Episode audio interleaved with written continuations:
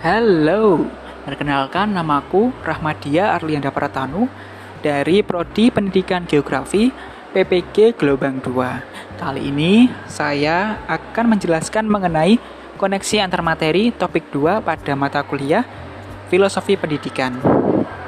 Filosofi pendidikan menurut Ki Hajar Dewantara adalah berpusat kepada peserta didik guna menjadi pilar sebagai penentu konteks pendidikan di Indonesia dan di sekolah-sekolah pada saat ini melalui kurikulum nasional. Pemikiran Ki Hajar Dewantara tentang pendidikan dan pengajaran yang berarti salah satu komponen penting yang terikat dengan pendidikan dan proses pembelajaran. Pengajaran adalah proses pemberian ilmu atau pengetahuan yang bermanfaat dan berguna untuk kehidupan peserta didik, baik secara lahir dan batin. Sedangkan pendidikan adalah upaya untuk memajukan budi pekerti, pikiran, dan jasmani anak-anak selaras dengan alam dan masyarakatnya. Jadi, menurut Ki Hajar Dewantara, bahwa pendidikan dan pengajaran merupakan usaha mempersiapkan untuk segala kepentingan dan kebutuhan hidup manusia, baik dalam hidup bermasyarakat maupun hidup berbudaya dalam arti yang seluas-luasnya. Seiring perkembangan zaman, pendidikan karakter adalah tujuan dari pemikiran Ki Hajar Dewantara. Kemajuan teknologi yang pesat menuntut peserta didik untuk mengembangkan ilmu pengetahuan dan teknologi dalam ekspektasinya. Akan tetapi, pada realitanya, pengembangan tersebut belum mampu menumbuhkan watak karakteristik peserta didik.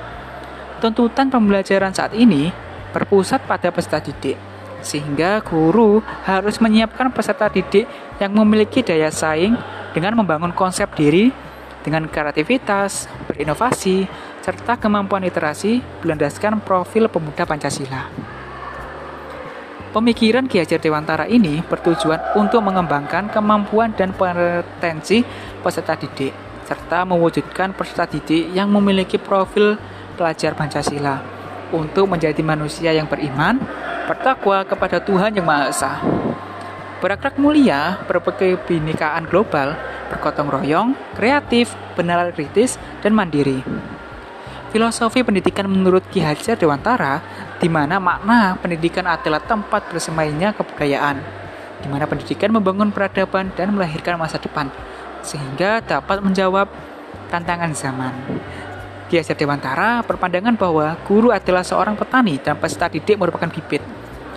Peserta didik diibaratkan sebagai biji padi yang ditanam oleh petani di sawah dengan tanah yang subur dan dapat menabatkan sinar matahari yang cukup seperti serta irigasi yang baik. Meskipun bibit padi yang diperoleh adalah yang berkualitas, jika ditempatkan pada salah satu tanah yang tidak subur, maka pertumbuhannya tidak dapat optimal. Begitupun sebaliknya. Jika bibit padi yang diperoleh kurang berkualitas, tapi ditempatkan pada tempat yang perawatan yang baik oleh petani, maka bibit padi tersebut akan tumbuh dengan baik dan optimal. Setelah mempelajari topik ini, pemahaman saya terkait proses pembelajaran bertambah.